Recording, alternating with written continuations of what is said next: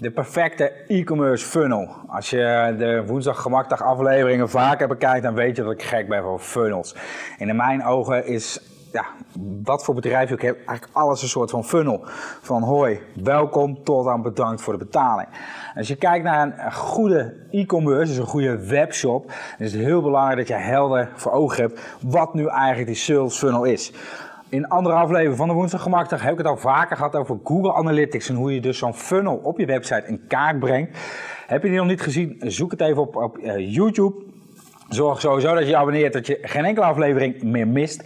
Kijken we echt naar de e-commerce funnel.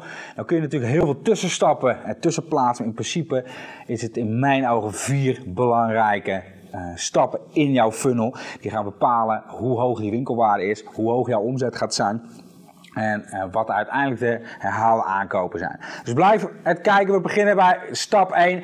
En vooral die laatste stappen zijn enorm belangrijk. Want ga je daar effectief en slim mee om. En pas je ook daadwerkelijk de tips die ik met jou ga delen. Dan durf je te garanderen dat jij een omzetstijging zal gaan realiseren met jouw webshop.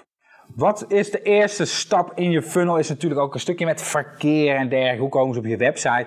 Maar eigenlijk begint het op je productpagina. Zorg dat jij continu je productpagina test. Zorg dat er sowieso op elke productpagina video's en afbeeldingen staan van hoge kwaliteit. Toon specificaties en reviews, prijs en levertijd. Een FAQ, dus welke meest gestelde vragen worden nu gesteld over dit product. Geef mij bijvoorbeeld ook een functie dat ik het kan bewaren of in een soort van wensenlijst. En natuurlijk een van de belangrijkste is de koopknop. Zorg dat je al dat soort elementen op die pagina hebt staan en test dit. Kies niet gewoon standaard voor de layout, zoals bijvoorbeeld WooCommerce of Magento of wat dan ook, welk platform je ook gebruikt. Zorg dat je niet de standaard layout gebruikt, maar ga testen. Kijk wat het beste werkt. Gebruik complementaire kleuren en laat uiteindelijk die webshop voor jou werken. Maak je bijvoorbeeld ook gebruik van webnemer, dan kun je dit soort aanpassingen heel gemakkelijk doorvoeren en ook testen.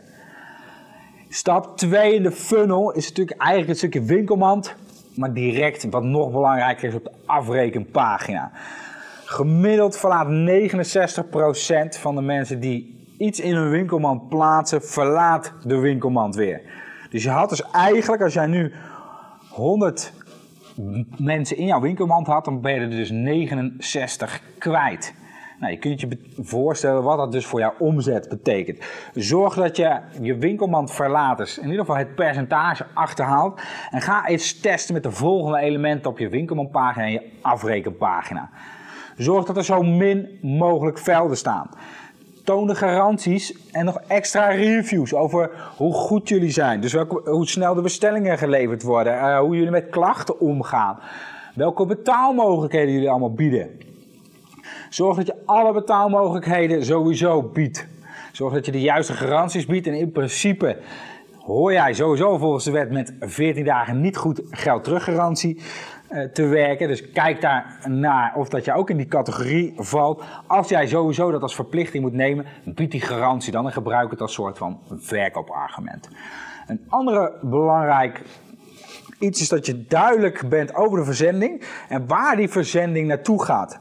Ik wil niet een stap terug, want ik heb net al mijn adresgegevens ingevuld. Ik wil nog een keer zien op de afrekenpagina, heb ik de juiste producten in mijn winkelmand? En wordt het naar, op het juiste moment uh, ja, bezorgd en naar het juiste adres. Een ander meer salesgericht trucje is uh, door het toevoegen van bijvoorbeeld een order bump. En een order bump is eigenlijk dat ik heel makkelijk in, een soort, in mijn afrekenpagina, ik zie dus de afrekenpagina, heel makkelijk kan klikken, voeg dit toe aan je winkelmand. Het is een beetje nou, de mars en de snikker bij de kassa. Je ziet die producten en heel snel gooi je dat gewoon op de band zonder er eigenlijk bewust over na te denken. Heb je dat gedaan, dan ga je over het algemeen naar de bedanktpagina. En blijf nog even kijken, want daar heb ik ook nog een enkele zeer krachtige technieken voor om ook die pagina te optimaliseren. Maar ik wil eigenlijk nog een stapje daarvoor.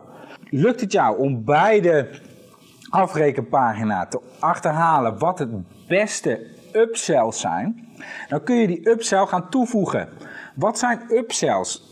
Snelle, snellere levering. Voor 4,95 euro heb ik het nu, morgen of vanavond al in huis. Misschien extra garantie. Of annulering of iets dergelijks. Misschien wel een inpakservice. naast een upsell, dus als jij zegt van oké, ik heb een bepaald extra product, extra veters, extra uh, pakje verzorgingsmiddelen, denk eens na van hé, hey, wat past bij dit product en hoe kan ik er eigenlijk meer uit deze, deze ja, potentiële klant halen. Dus hoe verhoog ik mijn bestelwaarde. Een andere techniek naast de upsell, je kunt dan op een gegeven moment ook downsellen. Dus van oké, okay, willen dit product niet voor 50 euro kopen. Dus ik bied een ander relevant product aan die wat goedkoper is. Je kunt ook werken met een one-time offer, een eenmalige aanbieding. En zorg dat die eenmalige aanbieding bij jou vervelend voelt. En wat bedoel ik daarmee is dat wanneer het bij jou eigenlijk al een beetje begint te kriebelen van ik geef nu wel echt veel weg, ja, dan weet je ook dat die one-time offer goed zit. Het moet zodanig veel waarde hebben voor die klant dat hij gewoon geen nee durft te zeggen. En als je dat wel doet, dat hij er eigenlijk een beetje spijt van krijgt. Nou, voorbeelden van one-time offers die dus eventueel ook nog de herhaalde aankoop kunnen prikkelen, is bijvoorbeeld een extra shoptegoed. Koop nu voor 25 euro 100 euro shoptegoed of 50 euro shoptegoed. Kijk waar bij jou die grens ligt. Hoe meer je er weg te geven, hoe beter deze techniek natuurlijk werkt. Je kunt het ook zeggen, van misschien dat je iemand een VIP kunt maken. Dus dat je zegt van nou oké, nu voor 25 euro altijd inpakservice en snellere levering. Of iets in die trant.